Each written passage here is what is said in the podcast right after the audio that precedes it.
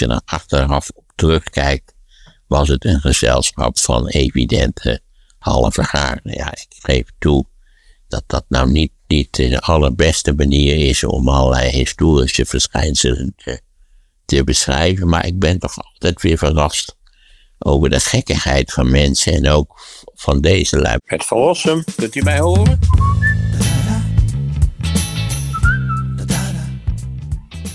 We zijn een tijdje terug eh, begonnen met het eh, meer bespreken van eh, Duitsland.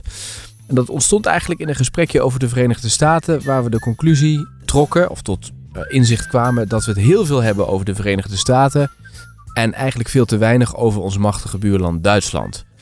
Dus zijn we begonnen met het bespreken van de geschiedenis van dat land na de Tweede Wereldoorlog.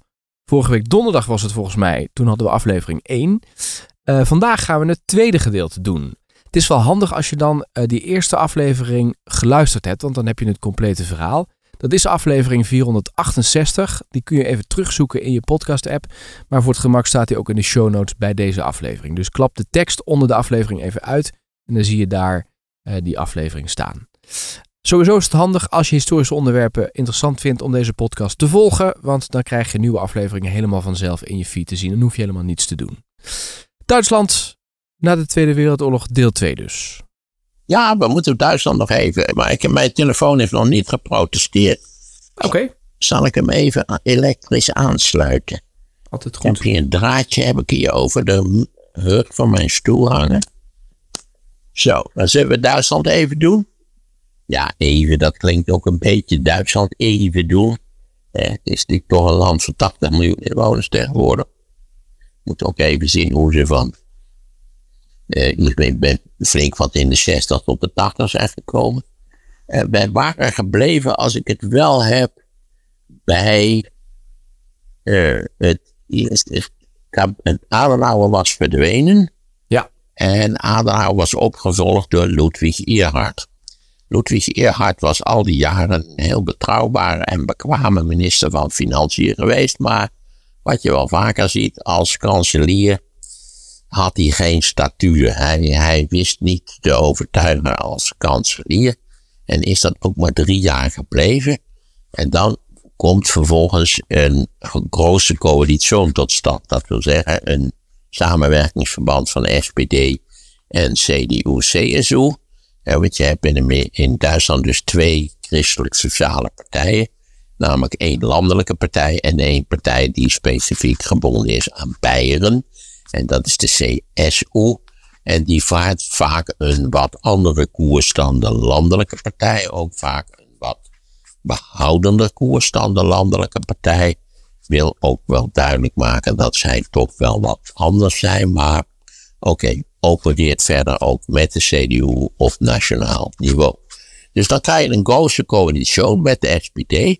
En, en de SPD brengt mee een, een, een charismatische politicus die eigenlijk een snelle carrière heeft gemaakt en dat is Willy Brandt.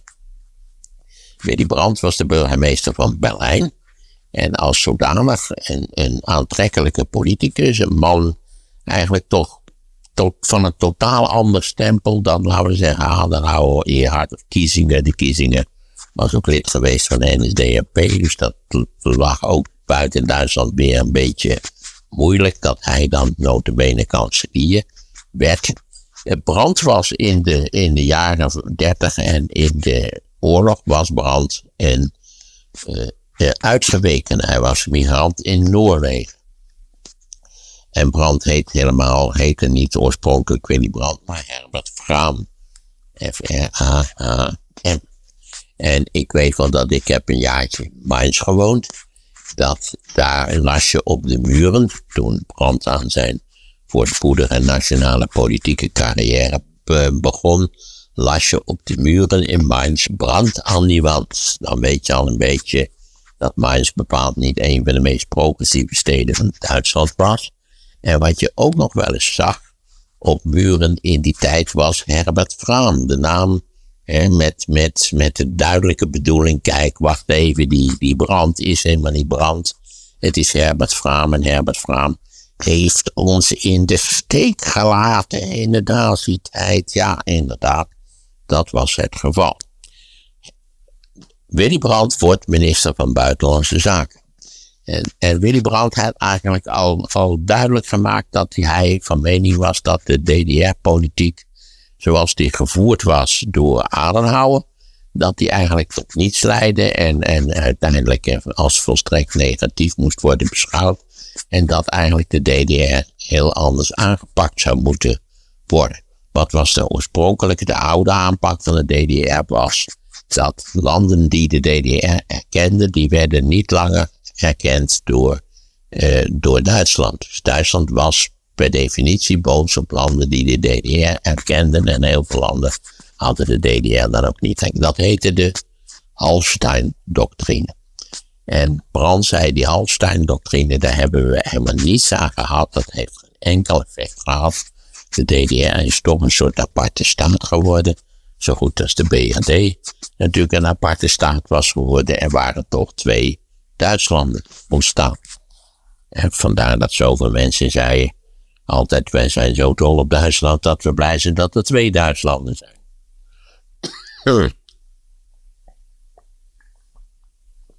Dus Brandt maakt eigenlijk een begin met het opheffen van die Hallstein-doctrine en het bepleiten van een volkomen nieuwe aanpak. Dat was natuurlijk binnen die grootste coalitie was dat nog problematisch van het CDU-CSU voelde niets voor een dergelijke nieuwe aanpak die ook bij hen, bij hun stemmers niet direct op groot enthousiasme kon rekenen. Dan tenslotte komt er een nieuwe regering.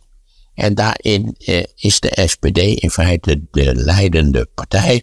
En de FDP, niet waar de bekende kleine derde partij in het Duitse parlement, is de, de ondergeschikte partij, maar die maakt die coalitie in principe mogelijk. En dan komt eigenlijk dat, dat beleid van Brand, dat komt goed op gang.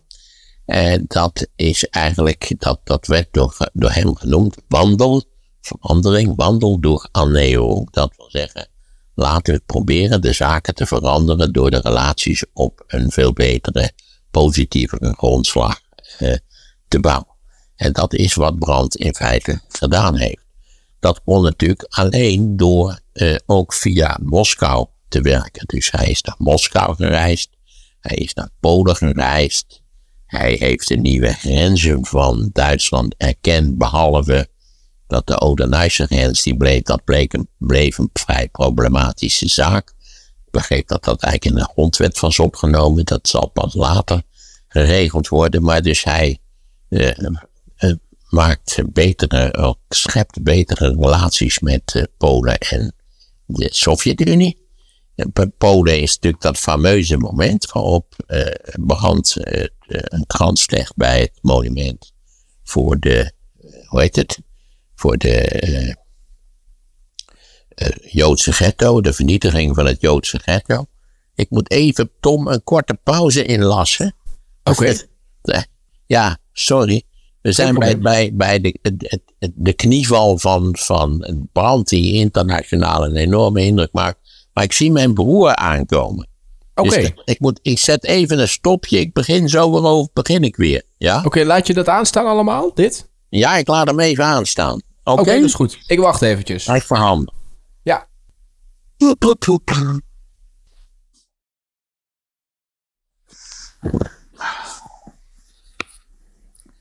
Kom, daar ben ik weer. Ja, ik hoor je weer. Ja, hij, hij heeft een redelijkheid ingezien.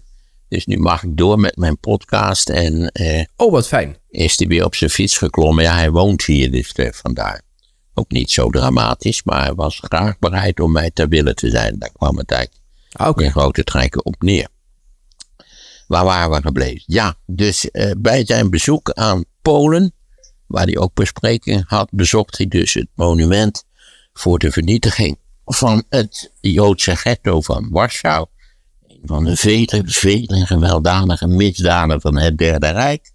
Altijd als je iets leest over het Derde Rijk ben je toch weer verbaasd over het, de nihilistische vernietigingsdrang van, dat, van die twaalf onbegrijpelijke jaren, 33, 45. Maar goed, hij, kniet, hij knie, knielt En dat maakte internationaal, ik denk ook terecht, een enorme indruk. Later is hem gevraagd, was je het van tevoren al een plan en zo? En, eh, hadden jullie het besproken? Nee, hij wist gewoon, ja, hij stond daar, hij wist niet wat hij moest doen.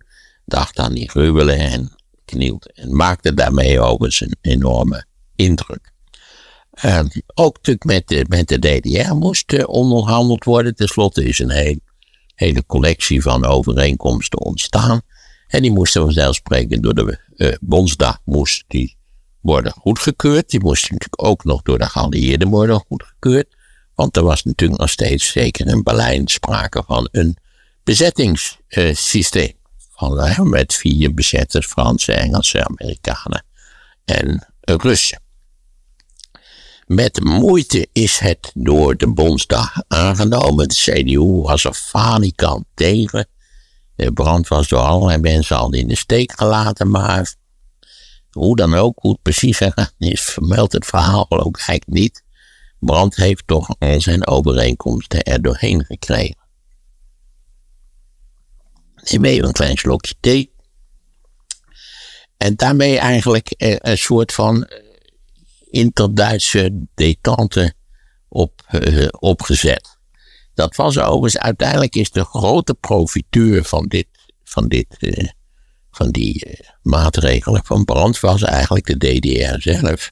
Die daarmee ook de gelegenheid kreeg om op grote schaal uh, handelscontacten te onderhouden met de BRD. Wat natuurlijk eigenlijk voor de, voor de DDR, die in, in alle opzichten volledig mislukt economisch staatje was, een enorm voordelige, voordelige zaak was.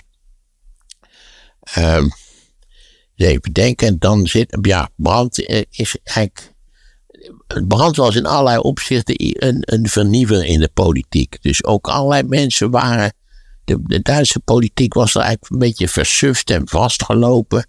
En Brand was de man die er, die er weer vaart aan gaf. Die mensen ook het gevoel gaf dat het zin had om politiek te bedrijven. Ook allerlei intellectuelen gingen in de politiek. En eh, met name natuurlijk eh, aan de SPD-kant. En allerlei uh, voorstellen voor vernieuwingen werden ingediend. meestal natuurlijk gehinderd en gesaboteerd door de CDU-CSU. Uitgesproken conservatief gezelschap in allerlei opzichten. Maar Brand heeft eigenlijk die, die, die politiek van de, van de Bondsrepubliek opnieuw vaart en vitaliteit gegeven. Ik zeg dat vooral nu omdat hij in feite niet zo heel lang bondskanselier is geweest, want hij is in 74 is die afgetreden. En hij trad af, in ieder geval ogenschijnlijk, omdat bleek dat een naaste medewerker van hem bleek een DDR-spion te zijn. Een zekere Günther Guillaume heette die man. En nou ja, die zat daar en die nou, heeft ongetwijfeld op denkbaar detail doorgebriefd aan zijn bazen in Oost-Berlijn. Maar Brandt was ook een beetje aan het eind van zijn Latijn. En dat betekende dat de leiding van de SPD, die toen bestond uit Helmut Schmidt en, en een zekere Wener, zullen daar verder niet te, meer, niet te veel aandacht aan besteden, die hadden ook het gevoel, Brandt zou er beter mee op kunnen houden. Had ook allerlei avonturen met vrouwen en nou, Misschien ook vanwege zijn charisma. Brand zelf, denk ik, was ook wel een beetje op na, na jaren van opwinding en hard werken. Kortom, Brand treedt in 74 af. En wordt opgevolgd door Helmut Schmidt. We hebben al eerder geconstateerd dat Duitsland in allerlei opzichten geluk heeft gehad met zijn politieke leiders na de Tweede Wereldoorlog, die steeds in zekere zin de juiste man en tenslotte komen we natuurlijk ook aan een vrouw op de juiste plaats zijn gebleken. Ook Helmut Schmidt was een effectieve bondskanselier, die overigens, eh, laten we zeggen, fundamenteel niets veranderd heeft aan de koers die de Bondsrepubliek voer. En die koers die kun je kortom maar goed samenvatten door te zeggen een, een oriëntering op het Westen en de integratie van Duitsland in de westelijke alliantiesystemen en in de westelijke samenwerkingssystemen. Op het punt van de DDR ging die uh, voort op de weg die Willy Brandt was ingeslagen. En op het punt van de economie bleef Duitsland eigenlijk een zo, hoe zullen we dat het beste zeggen, een zo verantwoordelijk mogelijke politiek voeren. Eh, zo weinig mogelijk inflatie, dat was een heel probleem in de jaren zeventig natuurlijk. Eh, je had ook in de jaren zeventig aanhoudende valutaproblemen. En eigenlijk het enige, de enige financiële plechtanker in Europa was natuurlijk toch weer de D-mark. Juist omdat Duitsland budgetair zo'n enorm terughoudend beleid voerde. Ja, je hebt natuurlijk allerlei landen die helemaal geen terughoudend beleid voerden. En is natuurlijk een, een klassieke argumentatie dat, dat uh, de zuidelijke Europese landen financieel totaal onbetrouwbaar zijn en de noordelijke Europese landen juist zeer betrouwbaar en dat er daardoor nooit eigenlijk één munt zou kunnen komen. Die is er wel gekomen. Ik denk zelfs dat die munt het ook wel zal gaan overleven, ook de wat moeilijke tijden, maar daar wordt niet door iedereen op dezelfde wijze over gedacht. Maar ik loop nu er op de gebeurtenissen vooruit. Maar nogmaals, Schmid was op een wat andere toon dan, dan Willy Brandt en zonder ook het charisma van Willy Brandt was Schmid toch een hele verdienstelijke bondskanselier. Ook overigens uiteindelijk de veroorzaker van een fameuze discussie, namelijk de plaatsing van nieuwe nucleaire wapens in Europa. Daar is eindeloos over gediscussieerd. De vredesbeweging is daar deel enorm gestimuleerd en iedereen heeft zich er gigantisch over opgewonden. En Nederland heeft geleid tot een van de grootste demonstraties ooit op het Malieveld. En het gekste van alles is tenslotte zijn Reagan en Gorbachev in 87 overeengekomen om die wapens niet te plaatsen. Waardoor het eigenlijk allemaal opwinding over niks bleek te zijn. Achteraf, achteraf, ja, achteraf zien dingen er vaak heel anders uit dan ze op het moment zelf eruit zien. Uh, nogmaals, uh, uh, Schmid heeft zich ook heel druk gemaakt over een, laten we zeggen, adequaat valutasysteem voor de Europese gemeenschap. Het was toen nog niet de Europese Unie, het was de Europese Economische Gemeenschap. Dat deed hij samen met de Franse president. Eh, wie was dat toen? God, Giscard, als ik het wel heb, was dat. Eh, en zij probeerden steeds een, een min of meer stabiel systeem te maken. Maar dat bleek toch in allerlei opzichten een buitengewoon lastige onderneming. Schmid is tenslotte gewipt in 82 door, die, door dat systeem, wat ik volgens mij wel beschreven heb, dat als je een motie van wantrouwen indient tegen de zittende kanselier, moet je altijd meteen een nieuwe kanselier in voorraad hebben. Dat was Helmut Kool.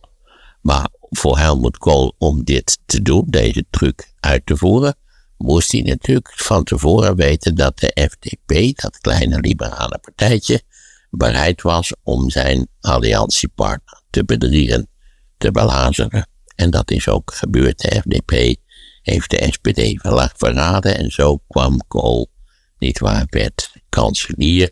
Wat hij een oneindig aantal jaren is gebleven. In 82 werd hij het. En ik zit even diep, diep na te denken. Volgens mij is hij het tot 98 is hij het gebleven. En ik moet eerst iets nog iets over de jaren 70 zeggen. Want in allerlei opzichten werden de jaren 70 getoonzet door de Rode Armee-fractie. En wat was de Rode Armee-fractie? Dat was een relatief piepklein gezelschap van radicale terroristen die van mening waren dat je geweld mocht gebruiken om het nieuwe fascisme in Duitsland, niet waar, eh, zoveel mogelijk te hinderen en liefst te vernietigen. En eigenlijk waren dit mensen die geradicaliseerd waren geraakt. In de jaren 60 had je natuurlijk een, linkse beweging onder de jonge lui, zeker ook onder de studenten. En een deel, een heel klein deel daarvan radicaliseerd en kon tenslotte terecht in zo'n terroristisch gezelschap als de Rode Armee-fractie.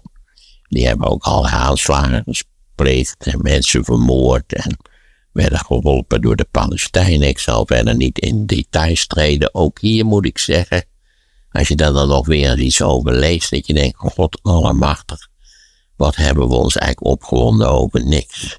En tot op zekere hoogte kun je de Duitse overheid in de jaren zeventig wel verwijten dat ze te heftig hebben gereageerd op die Rode Armee-fractie. Te veel hebben gedacht dat het een uitgebreid apparaat was. Het was wel zo dat veel linkse mensen nou ja, toch een klein beetje wel iets zagen in die Rode Armee-fractie. Of bereid waren om leden daarvan tijdelijk te verbergen, dat soort van dingen.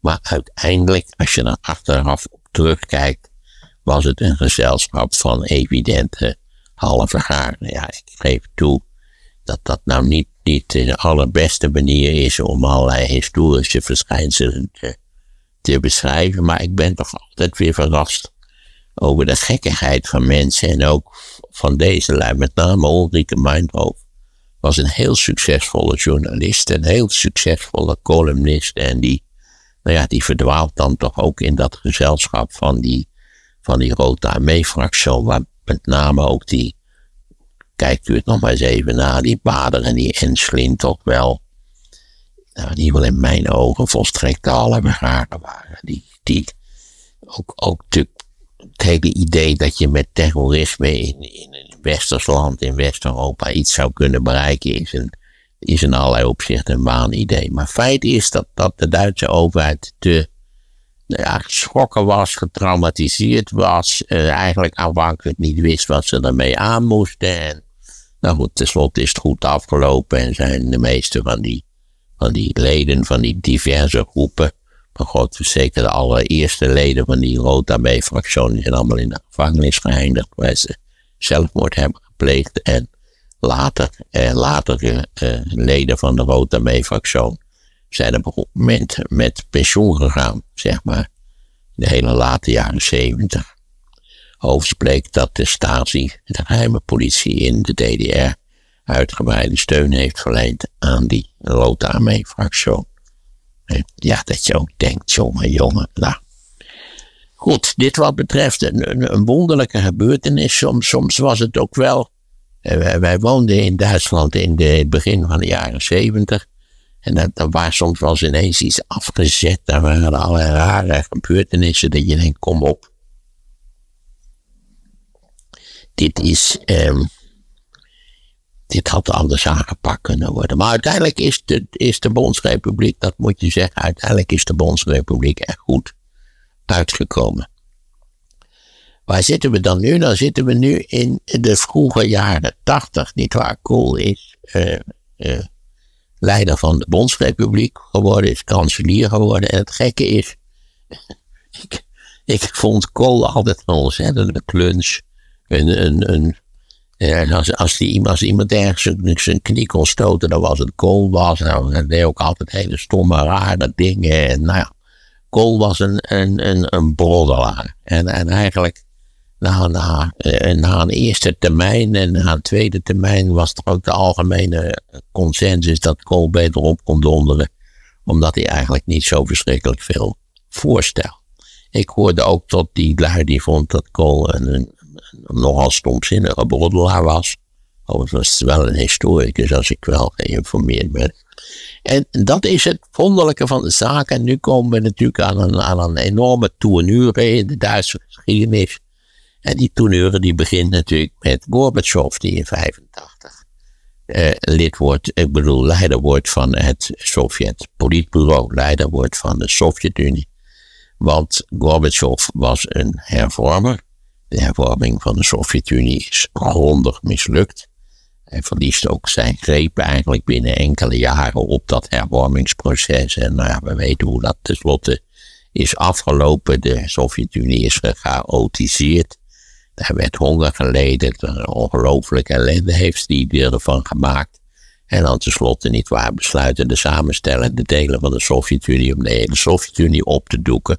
Onder andere niet waar? Omdat ze dan van Gorbachev af zouden kunnen komen. Dit alles onder leiding van Yeltsin. Maar wij moeten terug naar Duitsland.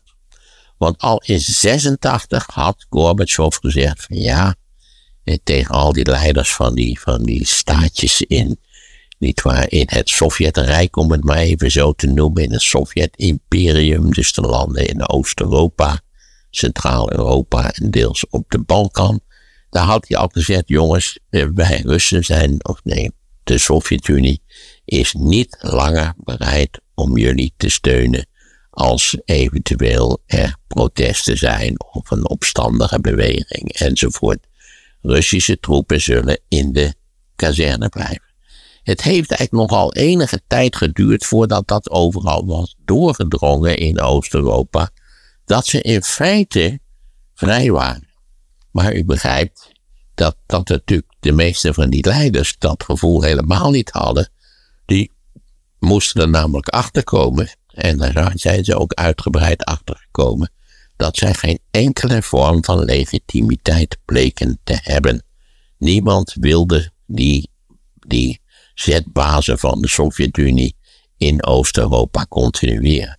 En zo, zo is het natuurlijk ook uiteindelijk in Duitsland gelopen met dat fameuze incident. Uh, nou ja, eerst waren er al in, in, de, in Oost-Duitsland uitgebreide demonstraties, waar steeds meer mensen uh, uh, kwamen demonstreren tegen de zittende regering. Honecker, de, de chef van de, van de DDR, werd vervangen. En, en die werd vervangen door een, een wat, wat moderner maar figuur, die er overigens ook niet lang gezeten heeft, een maandje maar. Het was duidelijk dat de DDR in een diepe crisis verkeerde. Wat extra tragisch was, als je het zo wil noemen, omdat nou juist in de herfst van 1989 zitten we nu, de DDR zijn 40-jarig jubileum vierde, waar Gorbachev ook aanwezig was. En ook nog eens een keer heeft gezegd tegen de leiding van de DDR, je staat er alleen voor. Daar, de, de soldaten van de Sovjet-Unie zullen jullie niet komen helpen. Daar komt het op neer. Nu komt er een hoogst interessant moment. Want een van de punten was dat, dat ook dat Oost-Duitse politbureau ook al zag dat er ingrijpende hervormingen noodzakelijk waren. En het was met name op het punt van het uitreizen. En waarom was dat het geval? Dat je eruit mocht. En dat was het geval eigenlijk omdat elders in Oost-Europa al een gat geslagen was in het ijzeren gordijn. In het voorjaar van 89 was dat eigenlijk al begonnen. Stond er een plaatje in de krant, ik herinner het me nog goed. En dan zag je uh, Hongaarse grenswachten met van die grote ijzeren tangen. Waren ze bezig het ijzeren gordijn open te knippen.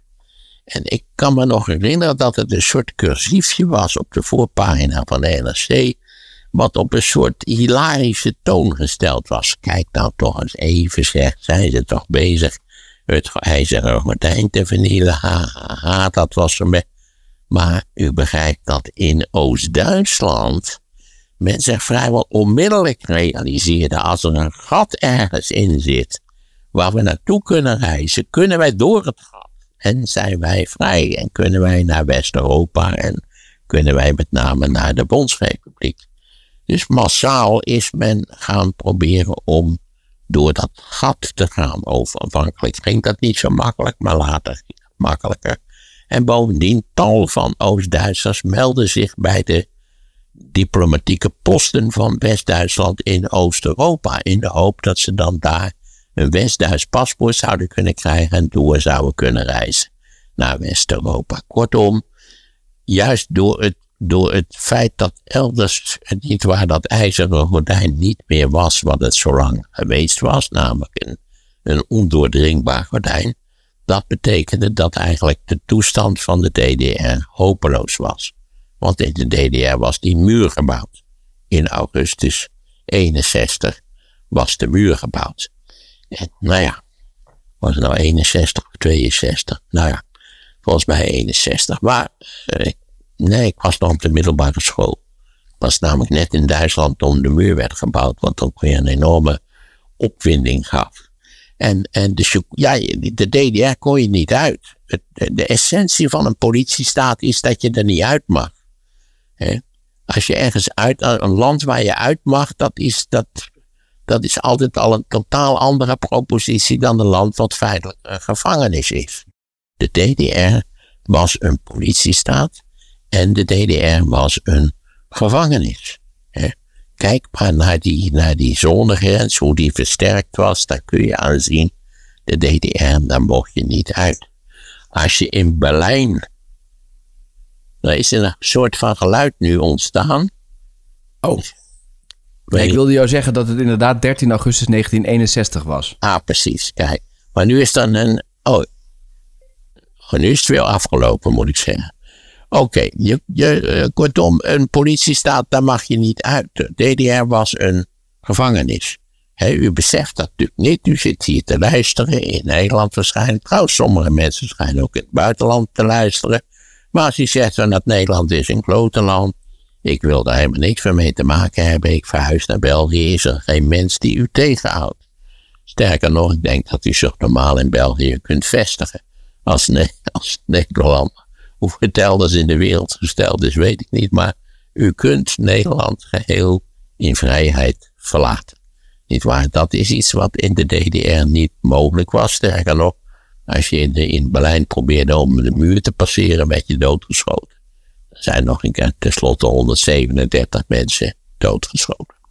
Maar nu, dus doordat er elders niet waar het ijzeren gordijn in verval raakte, begrepen ze, begreep het Oost-Duitse politbureau, wat, tegen, wat op dat moment werd geleid door Egon Krenz, dat er iets aan dat reisprobleem moest worden gedaan. Namelijk dat, eh, dat er toch een soort wet moest komen die Oost-Duitsers toestemming gaf om tijdelijk in ieder geval Oost-Duitsland te verlaten.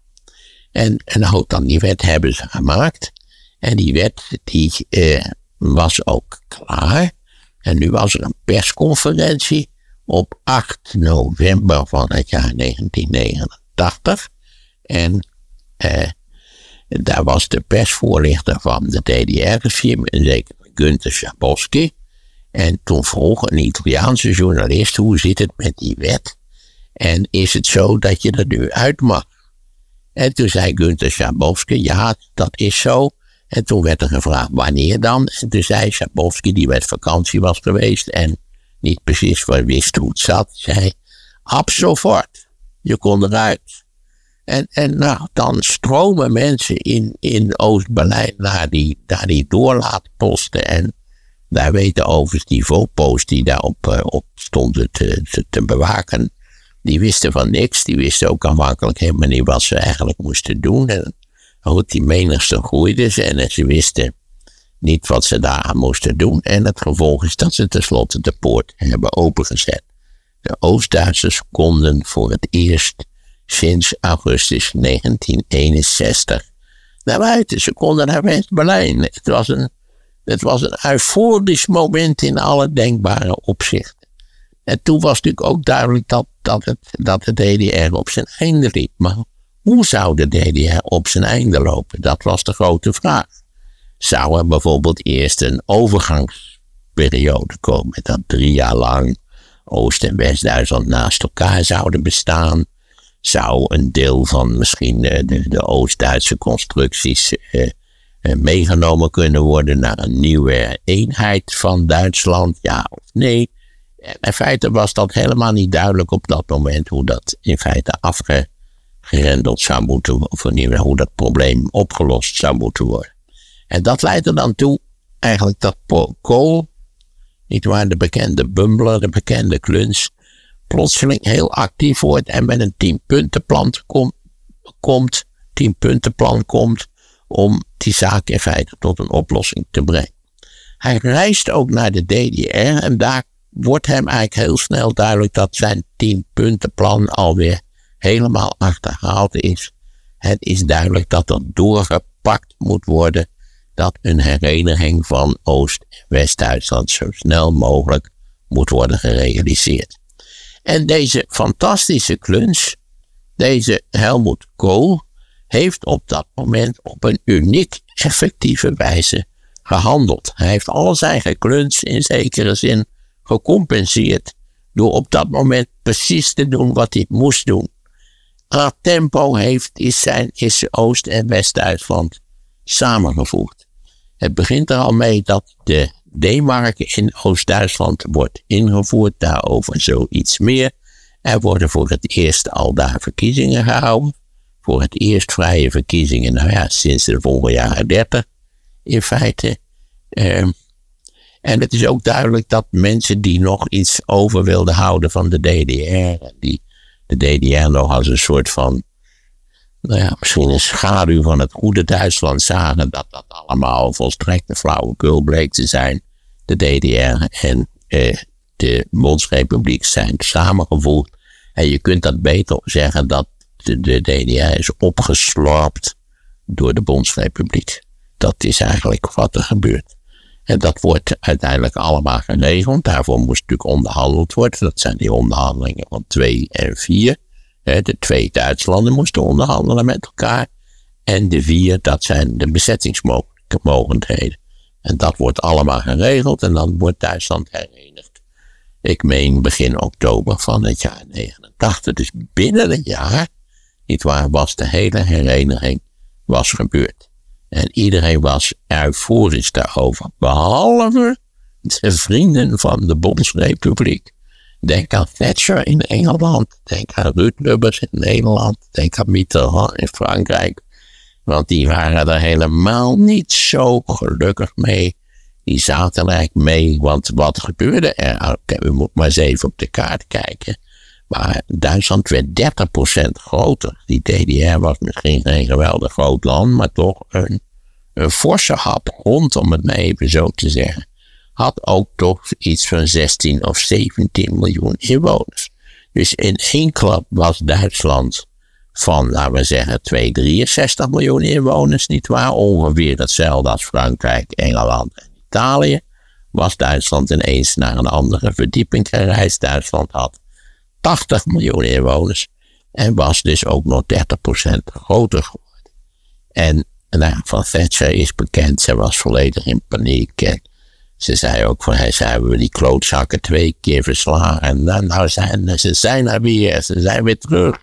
Zij zag de Messerschmitt al boven het kanaal hangen. En zij, zij was in regelrechte paniek. En ja, treurig genoeg ook onze eigen minister-president Ruud Lubbers was buitengewoon kritisch en bij vergaderingen begon hij steeds over die Odenijse grenzen en het gevolg was dat hij dat Kool tegen Lubbers een diepe vijandschap opvatte. En wel zo dat bij alle gelegenheden dat Lubbers later solliciteerde naar belangrijke posten in Europa, lag Kool dwars en zei niet die Lubbers, dat wil ik absoluut niet. Mitterrand is zelfs naar Kiev gereisd, bij mijn weten, om daar met Gorbachev te praten en te zeggen, nou ja, moeten we nou zo'n haast maken met die Duitse hereniging, daar voel ik eigenlijk niet zo verschrikkelijk veel voor en moet dat nou wel op deze manier en, nou, enzovoort enzovoort. En het is tenslotte toch gebeurd. Degene natuurlijk die er helemaal niet tegen waren, waren de Amerikanen. Die hebben ook direct onderhandeld over dat het uh, herenigde Duitsland lid van de NATO zou moeten worden. Dus van een westerse veiligheidsorganisatie. Zij het dat dan wel beloofd werd dat de NATO-troepen niet op het oorspronkelijke DDR-grondgebied zouden opereren.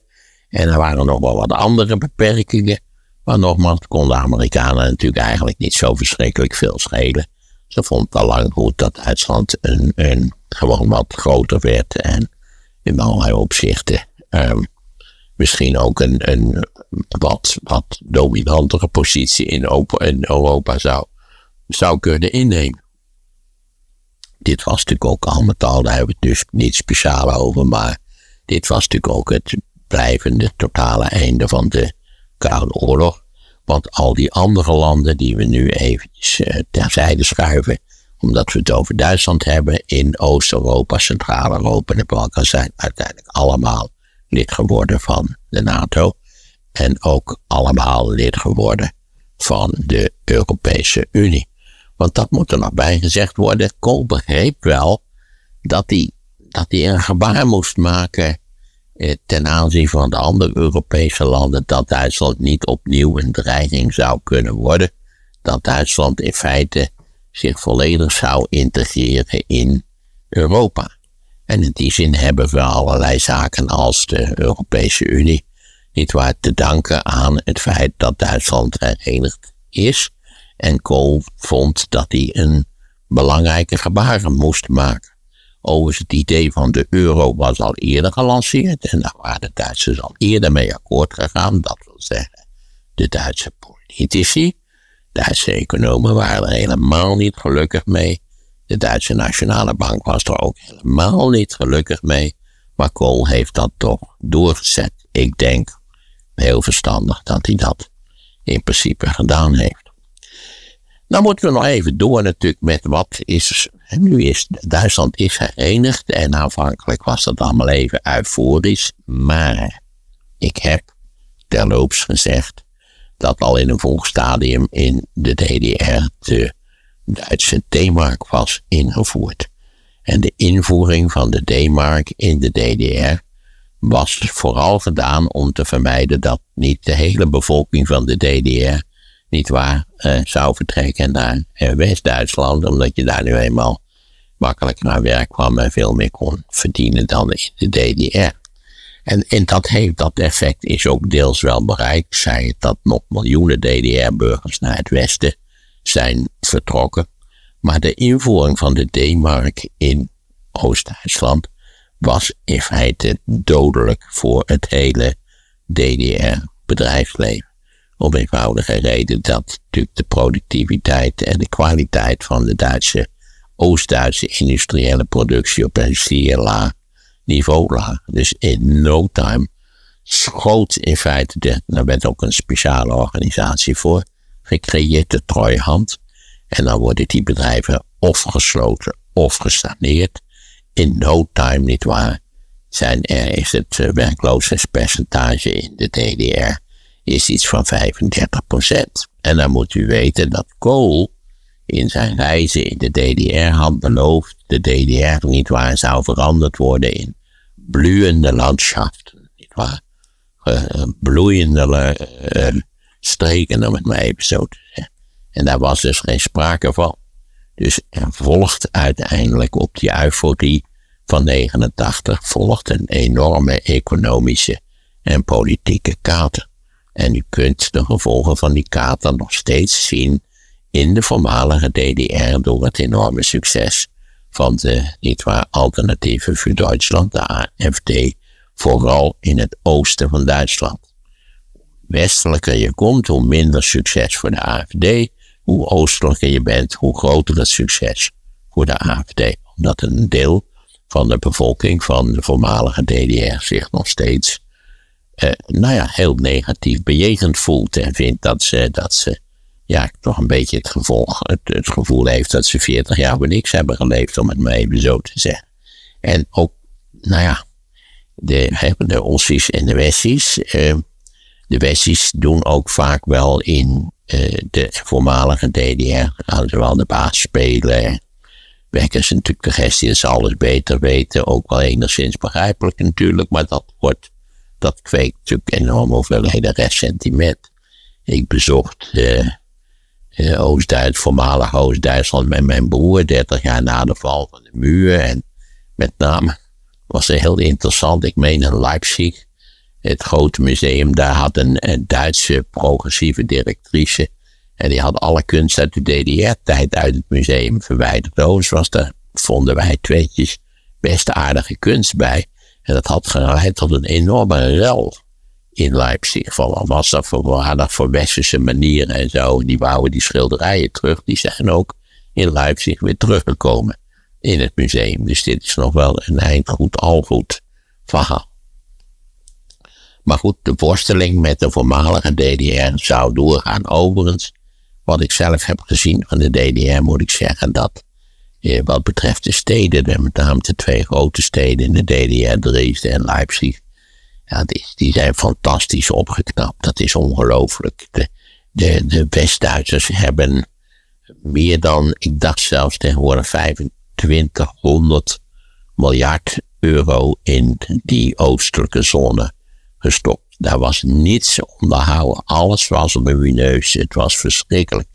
De wegen zaten vol met gaten. Het telefoonsysteem was van de jaren 30. Uh, die steden waren vervallen. Kijk je naar een stad als Leipzig bijvoorbeeld. Niet waar, dat was eigenlijk één grote ruïne. Dat, daar vertrokken nog na de, het neergaan van de muur, vertrokken daar nog eens een keer honderdduizend mensen. En tegenwoordig is Leipzig de snelst groeiende stad van Duitsland. En ik kan u verzekeren, als u Berlijn een beetje druk vindt, ga naar Leipzig. Geweldige stad, prachtig opgeknapt. En in sommige straten zie je nog een, een huis wat niet is opgeknapt. En dat is pas leerzaam. Want dan zie je wat een ruïne die stad was. En wat daar veranderd is. Rijden nu ook allemaal hartstikke dure auto's. En er zijn allerlei high-tech fabrieken zijn er verschenen. En u weet dat ook de stad Leipzig het als voetbal uh, elftal heel aardig doet. Ja, ondertussen is uh, Kool nog steeds kanselier en Kool had dat allemaal beter. Hij had beter meteen nadat dit enorme succes van die snelle hereniging van Duitsland, had hij beter meteen kunnen vertrekken, want daarna is hij alleen maar verder in de problemen geraakt en aan slijtage onderhevig geraakt. En tenslotte verliest hij de verkiezingen, als ik het wel heb, in 98. Ja, de jaartallen zitten mij nog niet geheid in. En dan komt er een heel nieuwe regering. In dit geval niet na, namelijk eh, onder leiding van de SPD. Dat is meneer Schreuder. Waarvan altijd de vraag is, verft hij zijn haar nu wel ja of nee? Of verfde hij het wel ja of nee? En Schreuder opereert voor het eerst met de Groenen waarvan Joska Fischer de leiding had. En eh, Schreuder is nu natuurlijk, die, heeft een, een, hele belazende reputatie gekregen, omdat hij na zijn vertrek als uh, bondskanselier, hij heeft er gezeten tot 2005, is hij een intieme vriend van Poetin geworden en heeft hij zich ingezet voor die, voor die Nord Stream pijpleidingen, zowel één als, als de nieuwe. En, en dat heeft hem natuurlijk, dat begrijpt u, in de afgelopen jaren geen goed gedaan. Hij heeft ook zichzelf wel verrijkt haar vertrek als bondskanselier, maar toch heeft Schreuder een niet onbelangrijke rol gespeeld. En dat kwam eigenlijk omdat Schreuder gezorgd heeft voor een zekere sanering van de sociaal-economische omstandigheden in Duitsland. Duitsland was ook economisch toch wel een beetje krakkemikkig geworden. Vergeet ook niet aan die 2500 miljard, eh, niet waar, eh, D-mark die, zij in, eh, die ze in Oost-Duitsland hebben gestoken. En het gevolg is eigenlijk dat Schreuder de Duitse economie gerevitaliseerd heeft. Nou ja, u weet eigenlijk wie, door wie Schreuder is opgevolgd, door Angela Merkel. Die er tenslotte ook 16 jaar gezeten heeft. Hè? Ja, die heeft er tenslotte ook 16 jaar gezeten. En Angela Merkel heeft enorm geprofiteerd van de weinig populaire maatregelen die Schreuder had getroffen. Dus Schreuder heeft eigenlijk zijn verdiensten als bondskanselier gehad zonder enige twijfel. Maar is ondertussen waarschijnlijk de minst populaire oud-kanselier. Nou ja, Kool is dood, dus dat, uh, de rest is, leeft natuurlijk ook niet meer is de enige nog levende ex-bondskanselier zijn Schreuder en Angela Merkel. En Angela Merkel heeft natuurlijk ook wel enige schade opgelopen doordat zij eh, in allerlei opzichten natuurlijk wel gewet had op een niet waar blijvende eh, afhankelijkheid van energieleverantie uit, uh, uit Rusland. Anderzijds moet worden gezegd dat ik terugkom op mijn verhaal dat in feite toch Duitsland ongelooflijk gebost heeft met zijn leiding na de Tweede Wereldoorlog. Want ook Angela Merkel bleek toch weer een buitengewoon effectieve bondskanselier te zijn. Overigens wel aanzienlijk populairder buiten Duitsland dan in Duitsland, maar desalniettemin heeft zij op vaak moeizame wijze leiding gegeven aan de problemen waarvoor de Europese Unie kwam te staan. Met name als gevolg van de kredietcrisis en de aanpalende eurocrisis. U kunt natuurlijk zeggen, ja, had dat allemaal niet wat sneller en effectiever geregeld kunnen worden? Niet met haar achterban, want dat hele idee dat, dat uh, van de euro, dat was in uh, Duitsland totaal niet populair. En de Duitse, eh, met name ook de economische kant van Duitsland, voelde niets voor, niet waar, financiering van al die krakkemikkige staatjes in Zuid-Europa. En daar moeten we dan misschien toch nog eens bij zeggen. Die euro, dat is natuurlijk een enigszins eigenaardige munt, want die wordt gesteund door een aantal Noord-Europese landen, waarvan Duitsland verreweg de belangrijkste is natuurlijk. Maar ook door een aantal Zuid-Europese landen die zonder uitzondering budgetair niet al te betrouwbaar zijn. Al zijn ze de laatste jaren, bijvoorbeeld Spanje, aanzienlijk betrouwbaarder geworden dan ze waren. Zelfs, zelfs mevrouw Meloni in Italië doet precies wat Brussel vraagt en, en is. Kondigde ze zichzelf aan als helemaal anders en kritisch, maar dat is in de praktijk toch enorm meegevallen. Dus misschien gaat die euro het wel redden, dat dacht ik altijd al. Maar goed, ook voor de sceptici gaan ze het misschien wel redden. Bovendien is het voor de euro niet onaantrekkelijk dat niet alle eurolanden zo spaarzaam en effectief budgetteren als de Noord-Europese landen. Want doordat ook die, wat zwakkere uh, eurolanden daar onderaan hangen in het mediterrane gebied, dat drukt natuurlijk een beetje de koers van de euro. En dat is voor je exportpositie is dat heel nuttig. Er is ooit wel gespeculeerd over een euro, dus een euro voor, voor de speciale Noord-Europese landen. Ik denk dat die euro op de valutamarkten ook al een prijs zou hebben bereikt. ja, in ieder geval heel wat hoger dan die nu is. En dan, of je dan nog een Audi kunt exporteren, dat is eigenlijk zeer de vraag. Zodoende is Duitsland, eh, moet ik het maar even een beetje generaliserend mee afsluiten. Duitsland is verreweg het sterkste land in de Europese Unie.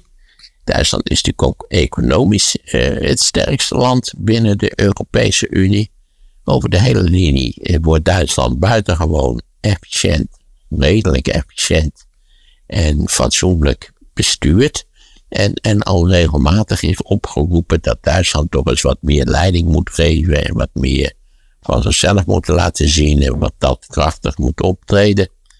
Het probleem toch nog steeds voor Duitsland is dat dat verleden, die duistere wolk van die afschuwelijke jaren 33, 45 er toch altijd nog een klein beetje boven hangen. Al zal dat steeds minder en minder en minder worden. En mocht u niks met Duitsland hebben en altijd veel liever luisteren naar Amerikaanse zangeresjes, en mocht u net als ik de New York Times lezen en niet bijvoorbeeld de Frankfurter Allgemeine, dan moet ik ook zeggen dat de New York Times beduidend lezenswaardiger is dan de Frankfurter Allgemeine op die site. En het blijft gek dat we in Nederland met onze rug naar Duitsland staan.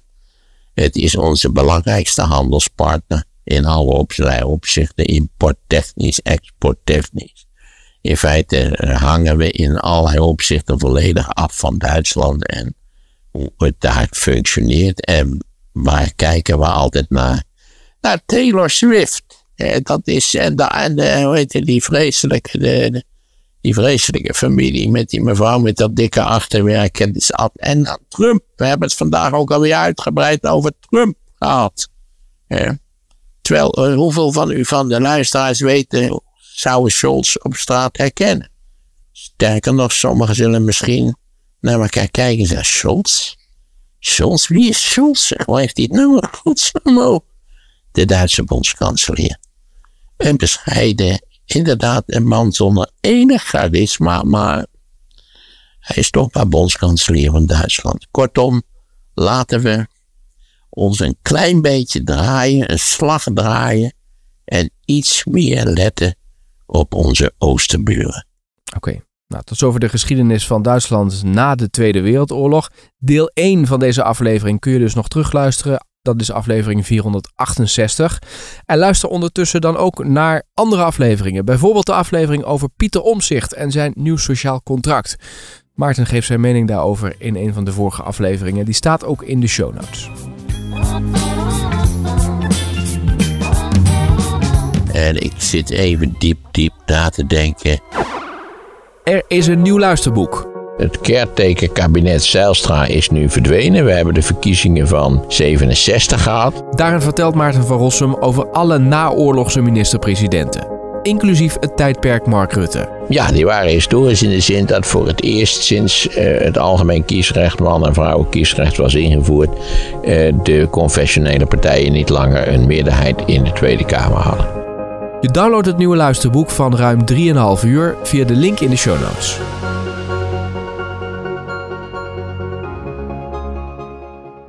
Na kunstmatige intelligentie komt de kwantumrevolutie. En dat heeft misschien nog wel meer impact op je leven dan AI. Je hoort er nu alles over in Sea Level. De podcast vind je via de link in de show notes.